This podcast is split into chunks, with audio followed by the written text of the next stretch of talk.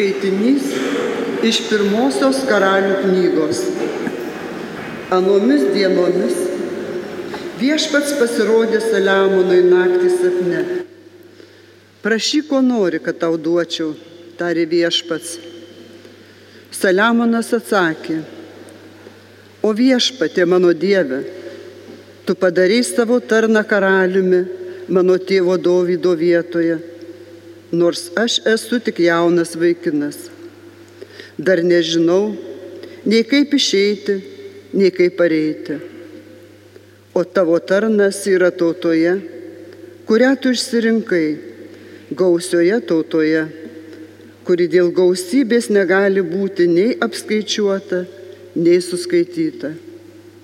Todėl suteik savo tarnui imlę širdį kad galėtų valdyti tavo tautą ir suprastų, kas gera ir kas pikta. Juk kas kitaip gali valdyti šią tavo gausią tautą. Saliamo prašymas rado malonę viešpaties akise.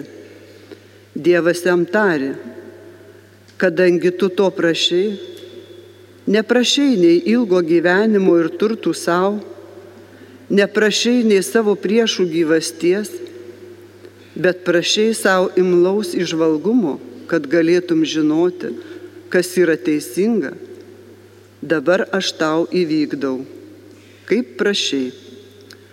Iš tikrųjų suteikiu tau išmintingą ir išvalgę širdį. Tokio kaip tu nebuvo prieš tave ir toks kaip tu nekils po tavęs. Tai Dievo žodis. Dėkojame Dievui. O koks brangus man viešpatie, mokymas tavo. O koks brangus man viešpatie, mokymas tavo. Viešpatie tu mano likimas, pasižadu laikytis tavo žodžių, mokymas iš tavo lūpų man daug brangesnis. Už tūkstantį aukso ir siedabro luitų.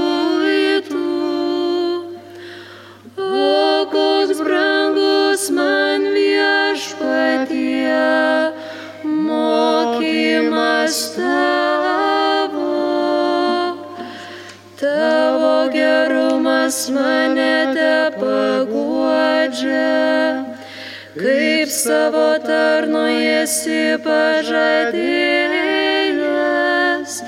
Te aplanko tavo gailestingumas, kad gyvas išlikčiau nes tavo mokymas mane gaivina. O koks brangus man viešpatie, mokymas tavo. Tavo įsakymai iš tikrųjų man brangus, už auksą brangesni už gryną auksą. Kreipiu savo žingsnius pagal įsakus tavo. Pakęs negaliu sukto kelio. O koks brangus man viešpatie, mokymas tavo. Tavo įsakai nuostabus, todėl aš jų laikausi. Tavo žodžių skaidrumas apšviečia, net neišmanelius įžvalgos pamoko.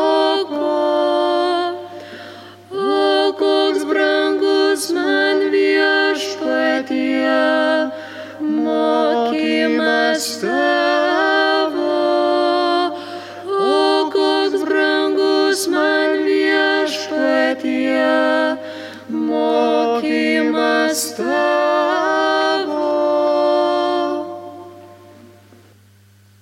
Skaitinys iš Šventojo Paštalo Pauliaus laiško romiečiams. Broliai ir seserys, mes žinome, kad viskas išeina į gerą mylintiems Dievą būtent jo valia pašauktiesiems.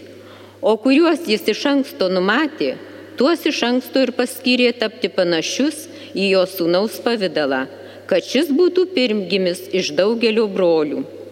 Kuriuos jis iš anksto paskyrė, tuos ir pašaukė kuriuos pašaukė, tuos ir nuteisino, kuriuos nuteisino, tuos ir išaukštino. Tai Dievo žodis. Dėkojame Dievui.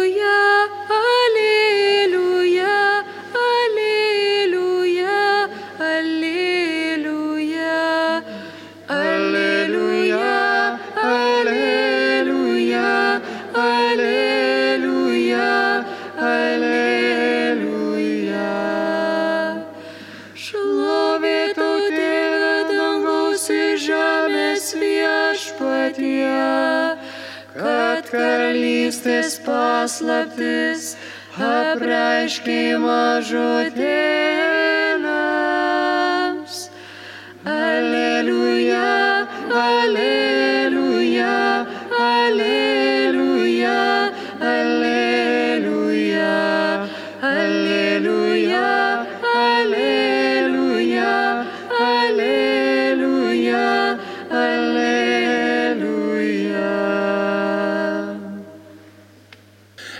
Viešpat su jumis. Iš Šventojios Evangelijos pagal Matą.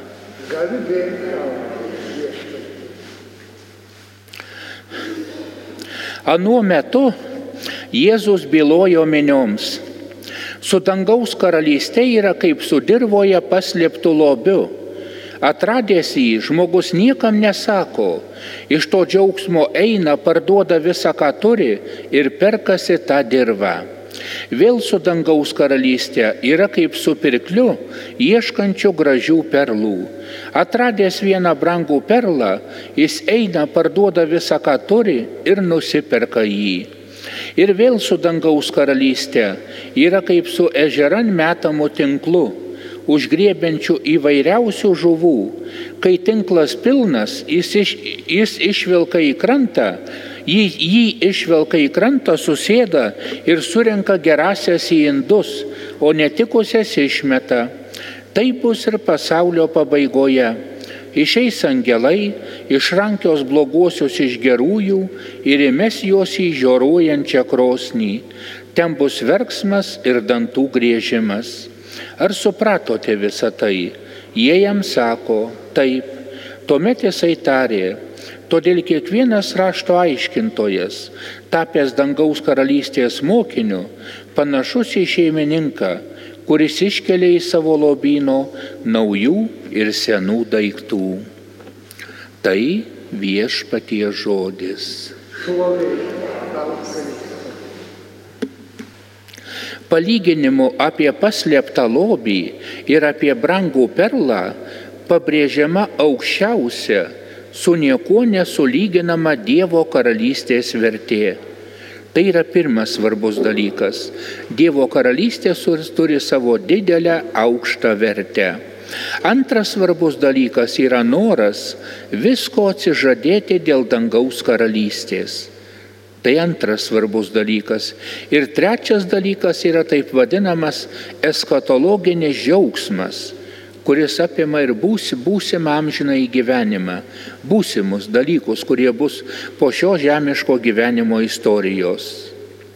Šitas pastarasis dalykas, eskatologinis džiaugsmas, yra paminėtas tik pirmajame palyginime. Evangelistas pavartoja tokį graikišką žodį, kuris nusako vien Dievo džiaugsmą, Dievo dovanojamą džiaugsmą.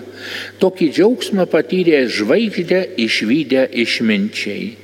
Išminčiai pamatė žvaigždę ir apsidžiaugė didžiu džiaugsmu, kad jie surado į pasaulį atėjusi Dievo sūnų.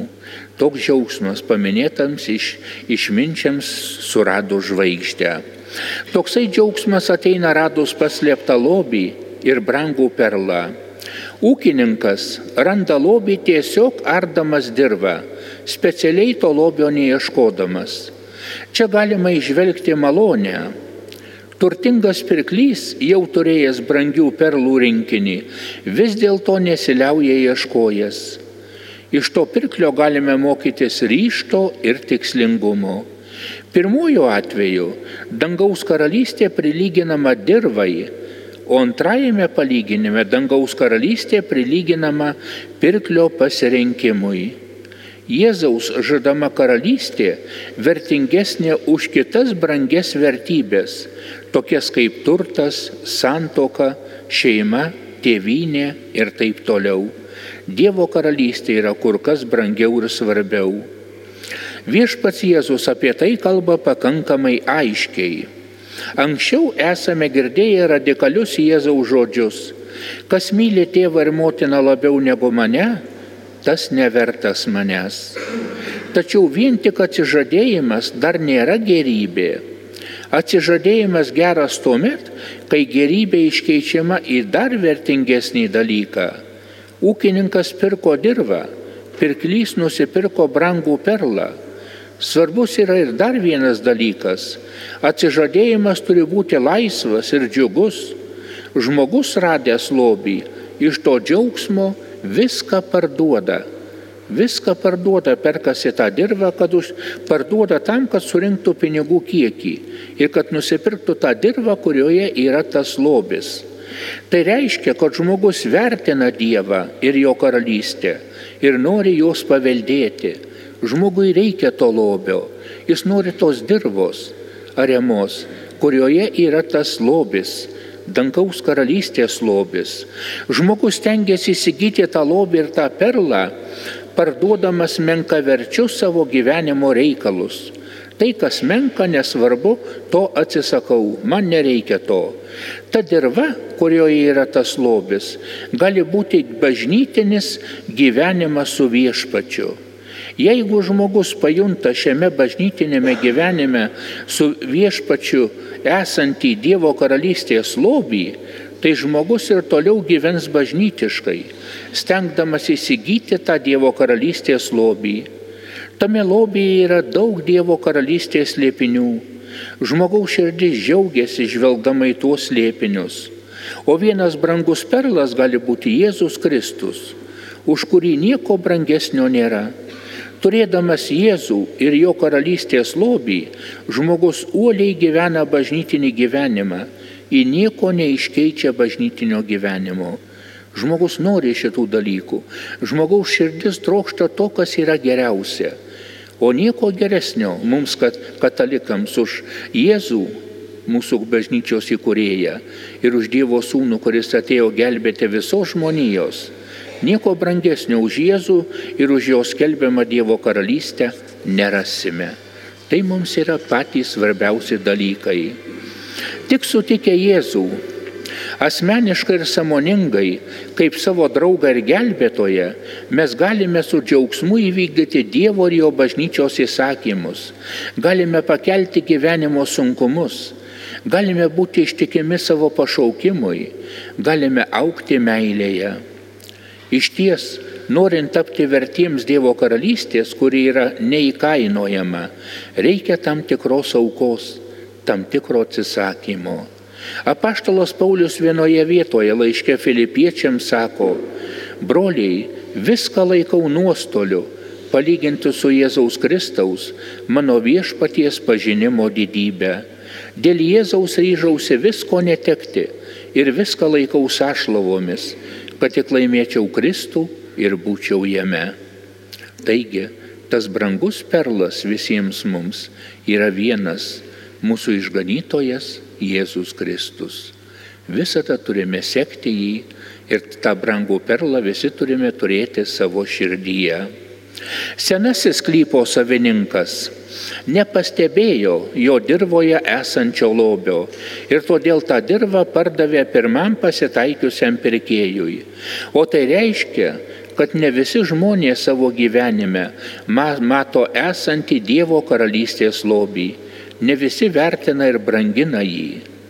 O juk, juk jeigu einame į bažnyčią, dalyvaujame mišiaukoje, švenčiame šventasis mišes, tai laikas po laiko turime vis geriau pajausti dangaus karalystės lobį esantį bažnytinėme gyvenime. Taip. Ir žmogus nevertinės jam, taip ir žmogus nevertinės jam priklausančio brangaus perlo, atidavė tą perlą už tam tikrą kainą pirmam jo, susido, pirmam juo susidomėjusiam pirkliui, kuris tikrų per, perlų galbūt tik papildys savo dirbtinių perlų kolekciją.